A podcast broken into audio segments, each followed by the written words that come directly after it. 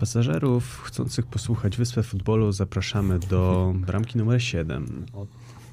Proszę zapiąć pasy. Proszę zapiąć pasy. Odlatujemy za 30 sekund. Startujemy z wielkim hitem. Witaj Filip. Mm, Cześć, cześć. Witam ja, Daniel. E, dzisiaj w okrojonym składzie, ale mamy chyba do obgadania najważniejsze wydarzenie tego sezonu, który wieńczy e, trochę ponad mniej niż rok zmagań, ale zanim do tego przejdziemy, do tych zdarzeń boiskowych, to czy Filip potrafisz mi wytłumaczyć, co się działo przed stadionem, przed meczem? Yy, tak, potrafię z tego, co przynajmniej czytałem na, na, na Twitterze. To była dosyć ciekawa sytuacja, dlatego że yy, w 12, nazwę to dystryktem, yy, może w 12, o dzielnicy zabrakło mi słowa, w 12 dzielnicy Paryża stworzono strefę kibiców, yy, strefę, strefę kibica dla sympatyków Liverpoolu. No i tam oczywiście przysz, przyszli wszyscy, którzy mieli się też pojawić na stadionie i nie tylko. Mm, Nie tylko oni. No i według raportów było tam ponad 30 tysięcy osób. Y, 30 tysięcy kibiców Liverpoolu. Kiedy jednak y, mieli się y, przemieszczać y, przez miasto kolejami, y, żeby już być, być na, na meczu, okazało się, że, tych, że te pociągi po prostu się spóźniają. Y, Ponie, i- Ponieważ podobno kolejarze francuscy y, strajkują. Strajkują, tak. I to wszystko złożyło się do kupy, że y, ogólnie przybicie, przybycie kibiców Liverpoolu w mniejszej albo tam większej y, części, no ale na pewno jakiejś części, było po prostu opóźnione. Także to też tłumaczy, co się działo przed y, wejściem na, na Stade de France, ale trzeba przyznać jedno, i to jest bardzo ważna rzecz, trzeba przyznać to, że organizacja, sama organizacja, czysto taka y, nie sportowa, nie piłkarska, nie, na razie nie wchodzimy na boisko, y, ale czysto taka organizacja y, wydarzenia, fatalnie przeprowadzona przez, przez, przez, przez organizatorów, przez, przez Francuzów. Rzeczywiście dużo, dużo, dużo problemów. Podobno ponad st- y, 150-200 osób przedostało się przez bramki pod Stade de France bez biletów po prostu. Przeskoczyli przez, przez ogrodzenie, dlatego że te bramki po prostu na sektor ym, kibiców Liverpoolu były po prostu szturmowane, szturmowane. No, to, to nieprawdopodobne. Y, Dosłownie jak tam widziałem, czy to filmiki, czy zdjęcia, można powiedzieć, dantejskie sceny y, przed tym i, i musieliśmy czekać na ten, na ten finał. Mm, 30 aż 35 36. minut, 36, minut 36, nawet. tak. No, no, no, fatalnie. Ja tak czekając właśnie, właśnie na, na, na pierwszy gwizdek, tak sobie myślałem, no mam nadzieję, że, że przynajmniej mecz to wszystko wynagrodzi, że opłaca się czekać, że opłaca się siedzieć. No i właśnie pytanie i do mnie, i do ciebie, ale, ale może mi odpowiesz.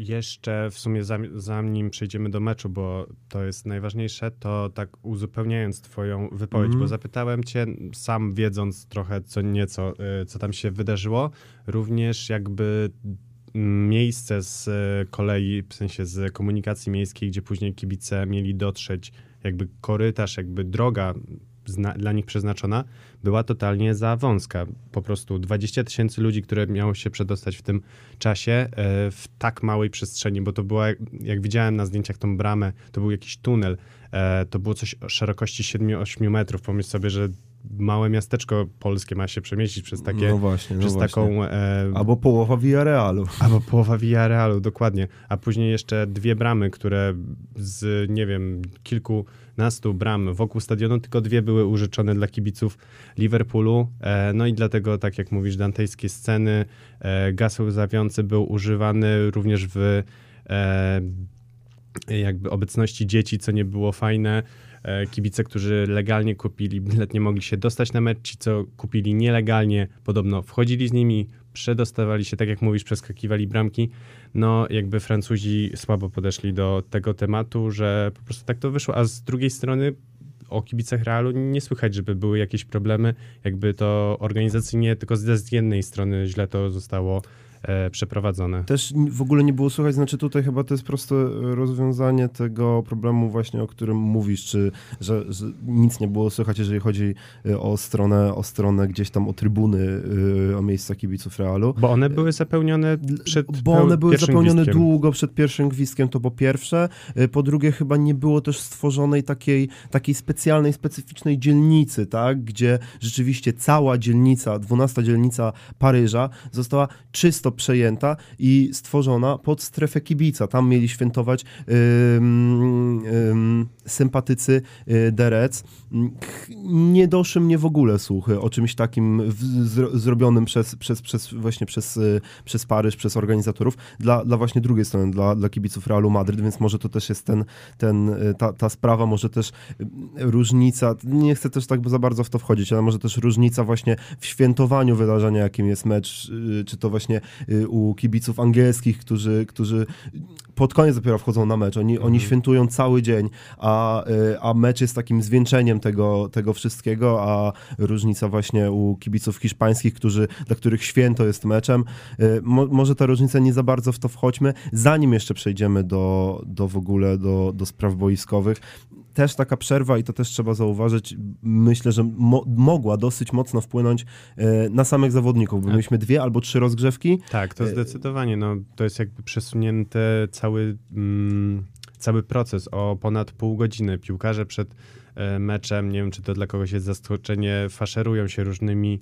e, środkami. Nie mówię, że to jest doping, ale to są jakieś suplementy, które spra e, sprawiają, że mają trochę lepszą wydolność, koncentrację, że po prostu ich ciało jest na te 90 minut e, jakby idealnie zoptymalizowane. Natomiast jeśli to się opóźnia o pół godziny, no to co, trzeba jakby to wszystko przesunąć. Piłkarze też jakby inaczej się koncentrują przed tymi meczami, wchodząc na rozgrzewkę, schodząc z niej, tak jak mówisz, były dwie. No jakby to ich na pewno rozstroiło i wydaje mi się, że w pierwszych 30 minutach meczu można było odczuć coś w tym stylu. Można było odczuć i też kończąc tą sprawę właśnie, właśnie rozgrzewkową, to wszyscy dobrze wiemy, że piłkarze też są przesądni, oni mają swoje rytuały przedmeczowe, tak. wszystko musi być jak w zegarku na dwie godziny przed w ogóle pierwszym gwizdkiem, według y, ich już, jak, jak, według ich jakiejś, można powiedzieć, rutyny, tak, czyli tutaj tak zawiążę sznurówkę. No, tak, tutaj można... Tutaj tak założę getrę, w idealnie, w, nie wiem, w którejś sekundzie którejś minuty do rozpoczęcia, do pierwszego gwizdka, do wyjścia gdzieś tam do tunelu to też mogą rozstroić piłkarzy, na pewno rozkojarzyć. No i właśnie płynnie przechodząc do meczu, to o czym wspomniałeś, było to widać w pierwszych 30 minutach, że gdzieś to były takie uderzenia z jednej albo z drugiej strony, ale nie za bardzo to wszystko mhm. było doprecyzowane. Trochę piłkarze byli rozstrojeni też, trochę mm, to się wszystko przedłużało, no i można było to odczuć na, na, na, na boisku.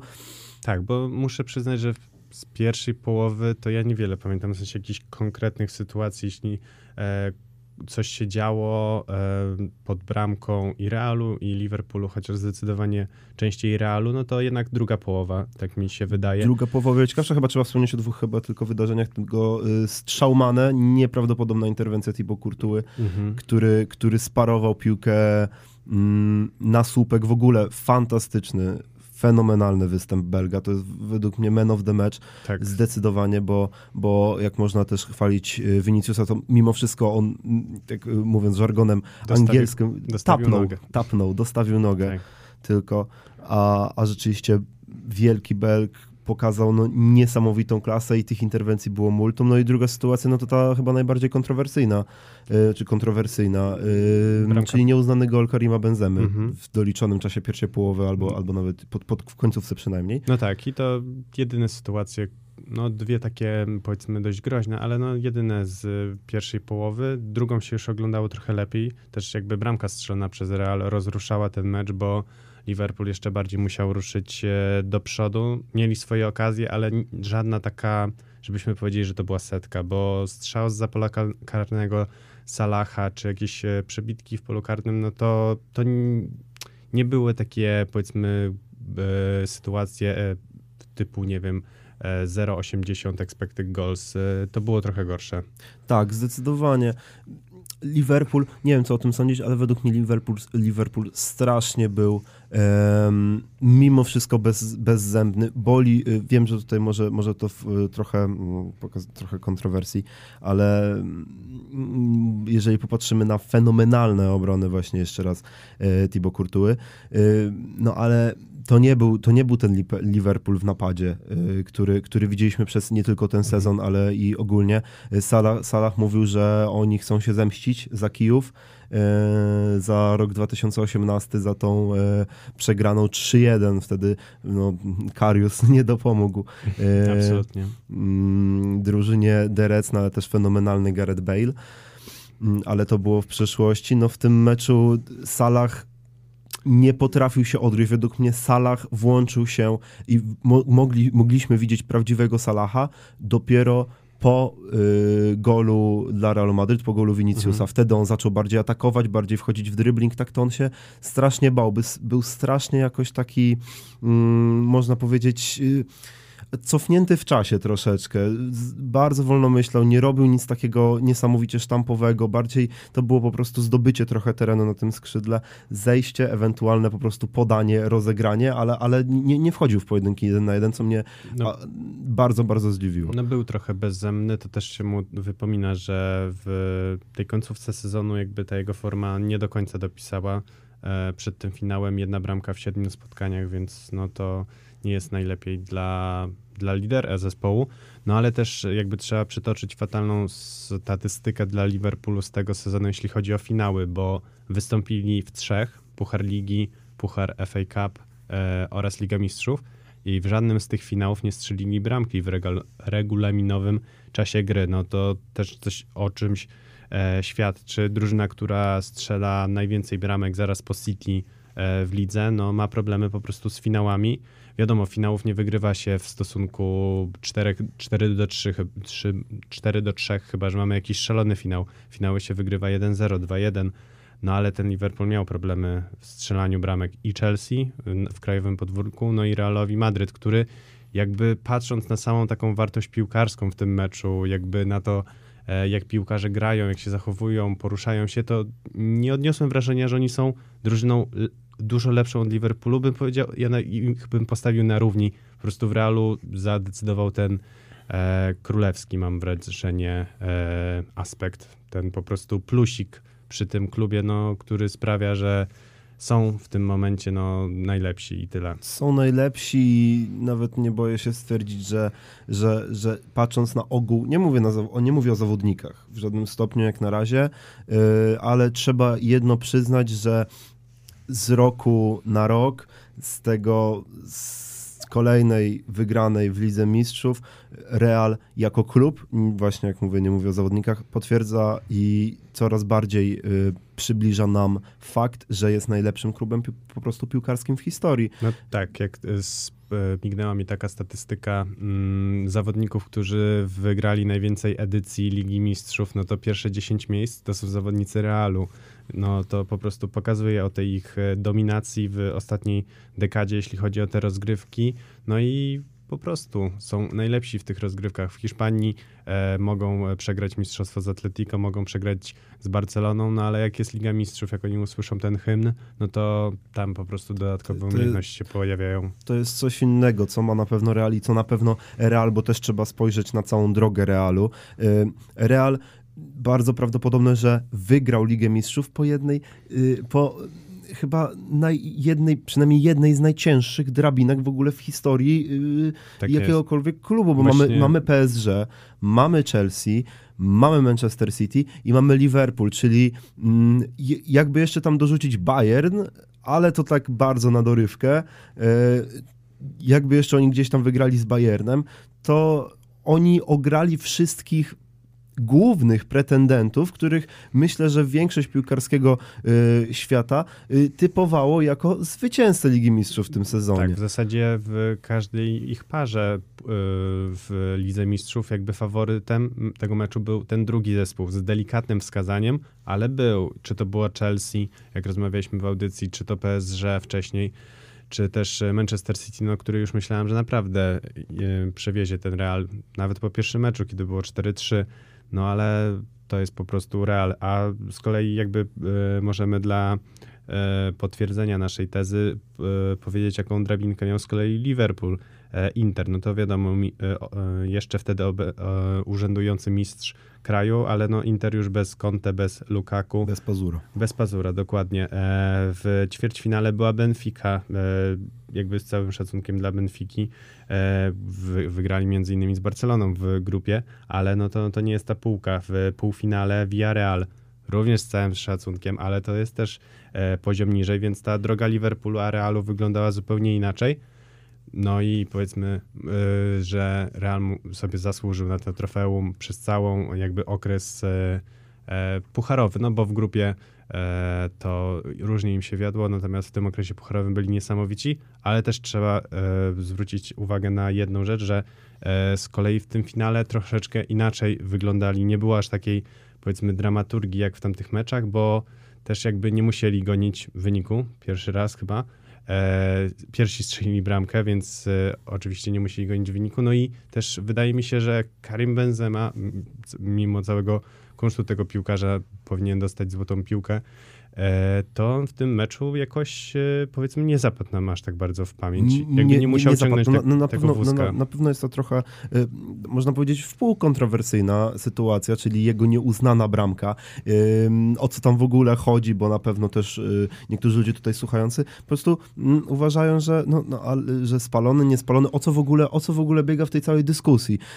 To może wytłumaczmy szybko, że biega o jedną prostą rzecz. Czy po, przeanalizujmy fakty, po uderzeniu Karima Benzemy broni piłkę, broni piłkę Alison, y, potem gdzieś ona się odbija, czy tam, tam jest Fabinho, Ibrahim Mhm. Konate. Ibrahim Konate wbija piłkę w Fabinho bodajże y, i Tam to- był taki ping-pong też, tak, jakby, nie wiem, z czy to, Alisonem nie wiem, nawet. czy to Valverde nie nabiegał i on Właśnie. i mógł to- tą piłkę trącić, I odbija się od właśnie o jednego to chodzi. I drugiego. właśnie, I właśnie o to chodzi, że tu, y, przepraszam, y, Ibrahima Konate odbija piłkę od, y, odbija piłkę, ona gdzieś tam y, koślawo, ona się wybija do Alisona, straszny ping-pong. No i jest sytuacja, w której jest Fede Valverde walczący z Fabinho o pozycję. I y, ob, ym, obaj ci zawodnicy zostawiają nogę. I o co jest ta sama, ta, ta, ta cała śpiewka? Ja, ja też nie, nie rozumiem, ale rzeczywiście trochę poczytałem, trochę posłuchałem, o co tam w ogóle chodzi. Y, chodzi o jedną prostą rzecz. Czy to, y, bo nie było tego dobrze widać na żadnym ujęciu z kamer, które Mhm. przynajmniej nam pokazano, bo oczywiście VAR to jest i inna tam sprawa, oni mają tam nie wiadomo ile kamer i tak dalej, ale to jeszcze przejdziemy później.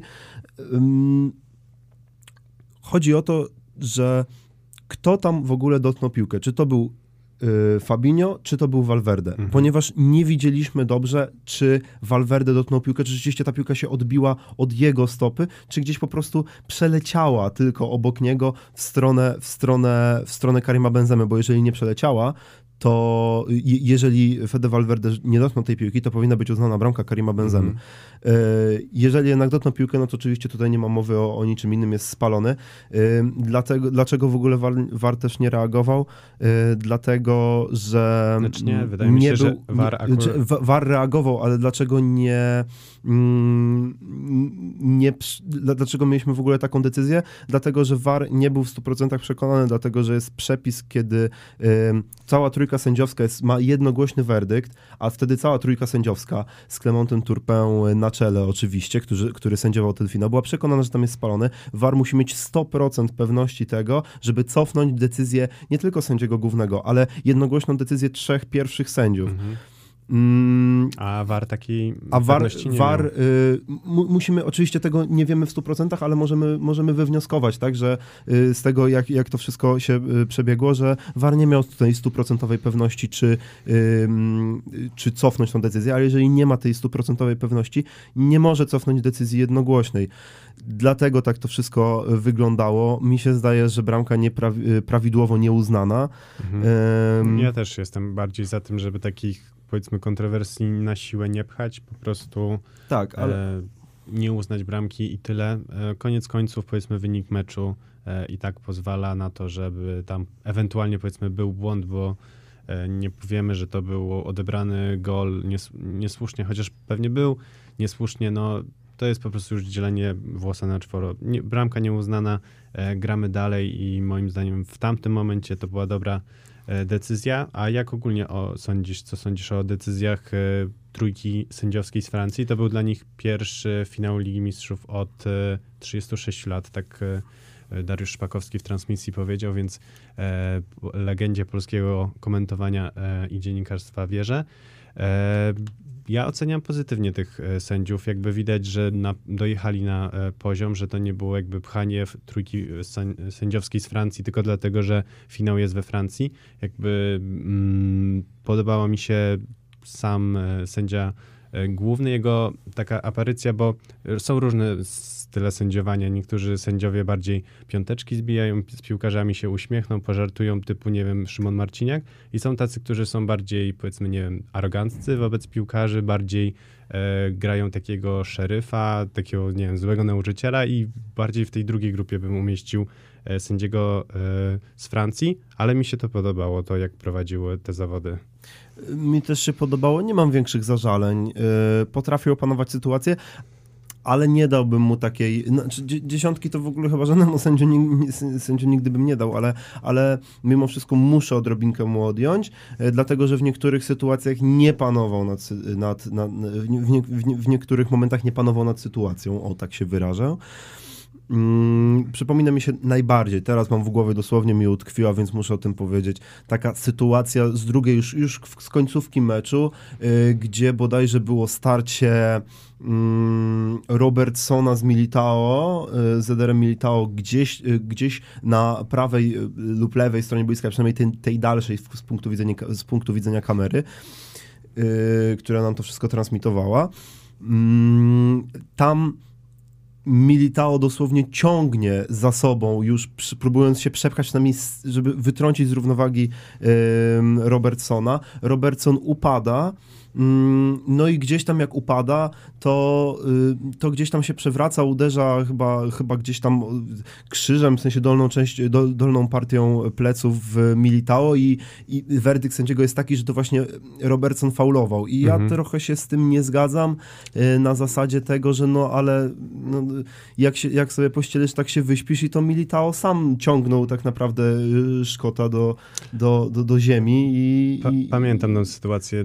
y, Pomyślałem sobie wtedy, że naprawdę nie lubię, jak y, obrońcy, szczególnie w Hiszpanii, tak grają właśnie. y, No, tak, chodzi o takie sytuacje, w których właśnie tak y, na, naciągają gość, który ma 1,90 m wzrostu, no, powinien walczyć, nie o piłkę, nie tutaj się y, ubiegać do takich jakichś głupich zagrywek, no ale no, to jest walka o naj, największe pieniądze, największe zaszczyty, no i w ten sposób się zyskuje te e, stałe fragmenty, później ze stałego fragmentu e, bramkę i tak się zdobywa trofea. No nie wyplemimy tego, ale mówię, no szczególnie obrońcy w Hiszpanii mnie denerwują, jeśli o to chodzi. Tak, to prawda. Taki spryt, taka, taka hamskość, co jest bardzo też znane nie tylko w Hiszpanii, ale we Włoszech. Takim przykładem w sumie ciekawości jest y, takiej właśnie upartości, takiej, takiej sp- sprytu jest, jest Giorgio Chiellini zdecydowanie. Oj, tak. Gdzieś tam nadepnie, gdzieś tam kopnie, gdzieś tam uszczypnie, a potem poklepie po plecach i tak, żeby sędzia w ogóle tego nie widział. Mhm. No, Ale co mnie boli, co mnie zastanawia, to ciekawa sytuacja. Trzeci finał z rzędu Ligi Mistrzów, zakończony wynikiem 1 do 0 po, no nie oszukujmy się, to, to, to, to nie było widowisko. Nudny mecz też nie, no gdzieś tam e, w, Nudny- w półce z przeciętnymi bym go Nudny ustawił. mecz, nudny mecz nie może być, a jeszcze do tego dodamy, że przed tymi trzema finałami, o których mówię, czyli wygraną Bayernu, wygraną Chelsea i teraz wygraną, wygraną Realu, e, był ten no, też średniawy finał z Liverpoolem w, roli, w roli głównej. Zależy dla kogo. No za, właśnie, no, oczywiście zależy dla kogo. Ja tutaj mówię z perspektywy bezstronnego widza po prostu, który chce obejrzeć finał Ligi Mistrzów, tak? E, Żeby rzeczywiście coś się działo. No, ale mm, boję się mm, jednego i co zauważyłem, to to, że przez te ostatnie sezony, gdzie meczów jest coraz więcej, gdzie są te spekulacje z UEFA, czy Superligę w ogóle zostawiam, ale, ale że będzie jeszcze więcej tych meczów, oni chcą jeszcze więcej e, tych meczów, tych meczów e, tam gdzieś wkopać w ten terminarz. E, po prostu gdzieś pod koniec sezonu, jak ma być ten finał Ligi Mistrzów, który elektryzuje od 70 lat, można nawet powiedzieć, e, bo wcześniej oczywiście tam Puchar UEFA i, i Puchar Miast Targowych.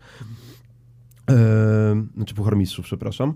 E, mm, No ja rozumiem, do czego to, zmierzasz. To wchodzi, wchodzi troszeczkę w taką stronę, gdzie rzeczywiście widzę, że ci zawodnicy nie mają siły i, i kolejny mecz, który nie był nudny, bo nudny nie może być. Finał PSG z Bayernem nie był nudny. E, finał Chelsea z Manchesterem City nie był nudny. E, mówię oczywiście z perspektywy widza postronnego. Ten finał też nie był nudny, ale to nie było widowisko według mnie na skalę finału Ligi Mistrzów, co, co, co, co mi jest po prostu smutno z takiego powodu, gdzie widzę, że ci zawodnicy nie mają siły, gdzie e, ten finał to nie jest walka o, o na, na śmierć i życie, walka, walka o ten puchar, tylko mm, gdzie to jest mecz pełen emocji i, i, i, i walki, tylko to jest takie sprytne, dosyć takie formalne przeciąganie liny, y, kto wklepie pierwszą bramkę, kto strzeli pierwszą bramkę, który się potem wybroni, no i w końcu ma ten puchar i jest mistrzem i będzie, będą śpiewane piosenki i legendy o tym. Tylko, Trochę mnie to boli. Tylko wiesz, no piłkarze jakby wychodząc na takie spotkanie nie mają e, w głowie mm, nakreślonego planu ze strony trenera w stylu idźcie, dajcie świetne widowisko, niech e, kibice zapamiętają ten finał do końca swojego życia, no tylko raczej mają ściśle nakreślony plan i często jest ta taktyka po prostu bardzo powściągliwa. No wiadomo, wydaje mi się, że ciężko powiedzieć, żeby któryś klub celował z najlepszym, for, może formą nie, ale z najlepszym widowiskiem właśnie na finał Ligi Mistrzów. Ja myślę, że to, co powiedziałeś o zmęczeniu, to, to oczywiste, bo piłkarze są przyciążeni, ale to też jest kwestia po prostu czysto taktyczna, dlatego te finały e, na koniec, e, na koniec finału widzimy tylko po jednej bramce, tak jak powiedziałeś w trzech ostatnich edycjach. No i tyle musimy się tym e, zadowolić. Ale tak, powiedzieliśmy troszeczkę o sędziach francuskich, więc czemu nie powiedzieć o sędziach angielskich? Premier League za nami. Sędziowie jak to sędziowie angielscy e, mm, charakteryzują się podobno, są takie po prostu e, ogólne opinie, że pozwalają grać na, da, dają piłkarzom grać więcej, e, ta gra jest bardziej ostra, przez co też e, kontuzje się e, pojawiają e, częściej w Premier League, ale jak ogólnie tak, nie wiem, czy chcesz lecieć nazwiskami, czy chcesz tak jakoś w całą swoją opinię wokół ja myślę, grupy sędziowskiej. trochę możemy to schematyzować e, na zasadzie ogółu grupy, grupy sędziowskiej, ponieważ jakbyśmy się rozgadali nad całym kolegium sędziowskim, to myślę, że moglibyśmy rozmawiać i trzy godziny. E, mm, skupmy się, e, mo, może tak. E, myślę, że możemy ogólnie jeszcze, może za tydzień, może za dwa, porozmawiać stricte o każdym, o każdym sędziu, ale skupmy się na tym, co każdego sędziego w Premier League łączy. I to jest VAR. Mhm. Znaczy, no tak, no zgodzę się z tobą. Y, I użycie tego VAR-u. Powiedziałeś o tym, że sędziowie mm, w Anglii pozwalają grać. No takie są, takie są opinie. Są, są luźniejsi. Tak, no na pewno. No, pozwalają na trochę twardszą grę, ale też mm, no, taka specyfikacja też ligi troszeczkę, gdzie, gdzie ogólnie zespoły grają twardziej, tak? Grają o wiele bardziej, nie, nie, nie wywalają się, no, dla porównania Liga Hiszpańska, tak? Gdzie no, najmniejszy kontakt gdzieś tam to jest faul, ponieważ taki jest styl po prostu i tak też sędziowie w Hiszpanii sędziują, w, w, w Anglii. Mm, gdzieś to ten, ten, ten styl jest twardszy, dlatego, dlatego sędziowie tak pozwalają, ale o co mi chodzi? Chodzi mi po prostu o to, że pusz sędziowie puszczają grę, ale tutaj wchodzimy w taką trochę... Um, znaczy tu jest dyskusję bez końca troszeczkę, czyli co zrobić z tym warem w Premier League, tak? Yy, ponieważ tutaj jest też główny aspekt, czy on rzeczywiście nam pomaga, czy rzeczywiście, znaczy nam, sędziom, czy rzeczywiście pomaga. Znaczy, no, odpowiedź jest, e, myślę, że prosta. No, pomaga na pewno, po prostu nie rozwiązuje naszych wszystkich problemów, bo też jakby samo pojawienie się waru generuje kolejne e, problemy typu, że spalony centymetrowy, czy jednak dwucentymetrowy, czy jest jakaś zdrowa granica, gdzie można po prostu ten rękawek piłkarza ustawić i E, czy jak jest w akcji obronnej i ma rękę wyciągniętą, to czy w ogóle to powinno być brane pod uwagę, bo w sumie ręką by nie mógł zagrać. czy tym rękawkiem, no to jest skomplikowane. Też jest skomplikowana procedura właśnie, żeby VAR sędziego poprawił, że musi to być, VAR musi być pewny, że sędzia tego nie widział. No właśnie, czy jakby też częstsza komunikacja między sędzią a warem byłaby korzystniejsza, nie wiem, w trakcie meczu, że o, o, jakąś sytuację by wyjaśniali, czy z kolei by arbitra bardziej rozproszyła, no to są takie kwestie, które myślę, że w przyszłości trzeba e, rozwiązać. ostatecznie, koniec końców, tak patrząc na ten sezon, to mm, nie można narzekać na, na tych sędziów mimo, mimo wszystko. Można po prostu narzekać na E, zapiski gdzieś tam w protokole warowskim i to, co się, następstwa tego, jakie są, czyli właśnie jakieś sytuacje e, niewyjaśnione ze spalonym takim i takim i to jest po prostu ciężkie do przełknięcia, że e, dalej musimy się po prostu w tej technologii VAR uczyć i nią udoskonalać. Może za 10-15 lat naszym jedynym problemem na warze będzie to, że spalonym był pół milimetrowy, a nie 3, jak w ostatnim meczu. Tak, no zdecydowanie. No, cała ta polemika wokół waru no, jest ciężka. Boli mnie najbardziej po prostu to, że też sędziowie już w coraz mniejszym stopniu oczywiście, ale są zapatrzeni w, te, w, w, to, że są pewni y, swojej decyzji, taką, taką starą szkołę. Znaczy ja to akurat kupuję, no bo jakby... I nie mm, patrzą za bardzo na ten war, gdzie on jest rzeczywiście dostępny, potem, wycho potem wychodzą jakieś mm, niedociągłości, jakieś kontrowersje. W erze bez waru jeszcze to było dosyć naturalne. Słyszeliśmy o kontrowersjach co tydzień, co kolejkę spotkań słyszeliśmy, całe media społecznościowe, jeżeli chodzi o świat piłkarski, były gdzieś w kontrowersjach. Teraz oczywiście jest, jest, jest tego mniej, ale teraz kontrowersje skupiają się nie na tym, co się wydarzyło na boisku, tylko na tym, jak sędzia zareagował. I w, na takiej zasadzie możemy się zastanawiać, czemu ci sędziowie tego waru nie używają, skoro mają takie e, pole do manewru i też możemy się zastanawiać w takim razie nad przepisami całymi. Y, czy kiedy sędzia, jest oczywiście to stricte wydzielone, ale żeby jeszcze to bardziej tak doprecyzować, że sędzia może musi korzystać z tego waru, y, że musi też patrzeć, y, no ale... No to jest gdzieś ten zdrowy balans między powiedzmy wydłużaniem tego czasu meczu, no bo można by każdą sytuację od, odwijać na warze, no ale wtedy by mecz zamiast około dwóch godzin z przerwami trwałby 3,5, bo każdą byśmy sytuację analizowali, więc no, to jest ciężko do wyczucia. Z drugiej strony też jest e, ten sędzia, który jest na boisku, który biega między piłkarzem, sędzia główny, on jest jakby liderem całego zespołu i powiedzmy nikt nie powinien być na, nad nim, e, podważać jego zdania i on, no czasami chyba ta pewność siebie sędziów e, wynika, no po prostu jest to jeszcze do, do grania, może kiedyś zaprosimy sędziego tutaj do programu, to nam powie jak to jest taka współpraca w z zespole. Nie wiem, czy do końca warowskim, ale powiedzmy w trójce, w czwórce, jak to wygląda. E, ja do dzisiejszej audycji tak na szybko e, przygotowując się trochę o sędziach, e, zerknąłem sobie przede wszystkim na to, jakby mm, jak w europejskich pucharach ci angielscy sędziowie, gdzie powiedzmy do jakiej fazy dochodzili, no bo jest to jakiś wyznacznik, sędzia, który sędziuje finał Ligi Mistrzów, no to raczej nie jest przypadkowym sędzią, tylko jest e, w top 3, co najmniej musi być. E, często jeszcze są po prostu aspekty, chodzi o narodowość, że jak jest drużyna z jednego kraju, no to sędzia już z tej narodowości nie może być. I właśnie tak patrząc na angielskich sędziów, oni w tym roku byli strasznie wykluczeni z każdej kolejnej fazy, ponieważ dużo tych angielskich klubów po prostu grało dalej, nie? Chelsea, Manchester City, Liverpool aż do półfinału więc e, Nawet Chelsea, do finału. Chelsea e, do ćwierćfinału, natomiast dwie angielskie zespoły dalej i oni po prostu byli trochę wykluczeni z tego grona e, sędziowania, więc najdalej to w sumie sędziował Antony Taylor, to była e, to był ćwierćfinał Ligi Mistrzów pomiędzy Benficą a chyba e, Ajaxem, albo to była jeszcze mhm. wcześniejsza faza. W każdym razie no, to był jedyny angielski sędzia, który sędziował ćwierćfinały.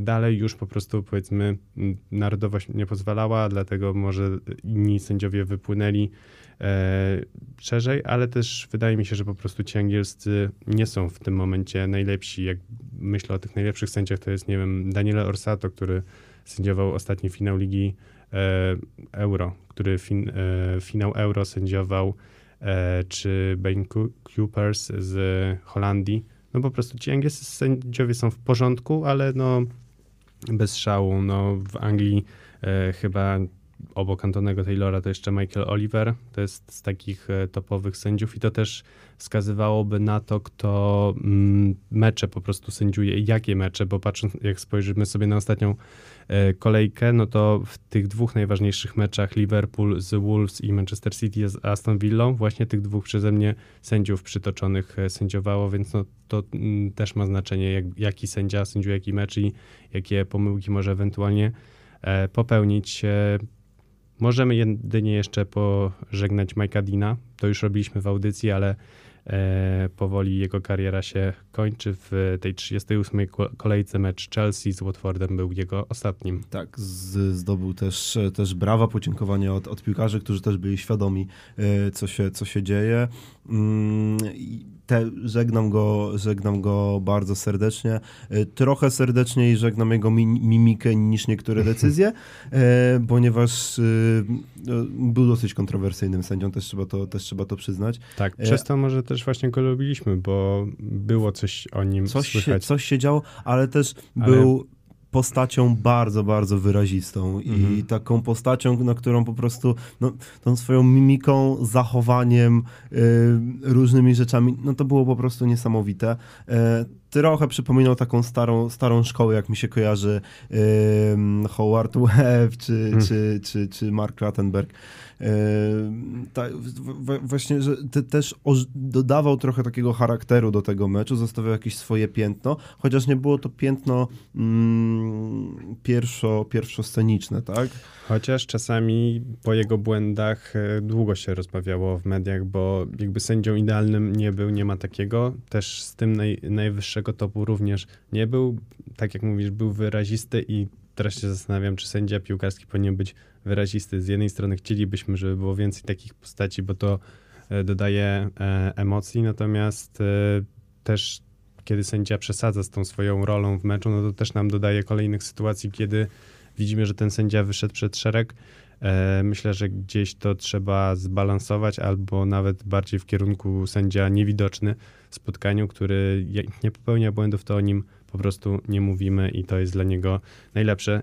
W sumie pochwaliłem dwóch sędziów e, angielskich i też jednego, tak myślę, że jest jakaś rysa na jego e, wizerunku, to jest Paul Tierney, w sensie sędzia, który popełnia błędy dosyć często, dlatego o nim e, mówię. Szczególnie mi w ostatniej kolejce się rzuciła trochę mm, podwójna żółta kartka dla zawodnika Brentfordu, i ten drugi faul szczególnie to był taki, no nie na nawet nie na żółtą kartkę, a szczególnie nie na drugą żółtą mm, wyrzucającą z meczu, dlatego o nim teraz mówię. Też jakby za dużym sympatykiem tego sędziego nie jest Jurgen Klopp.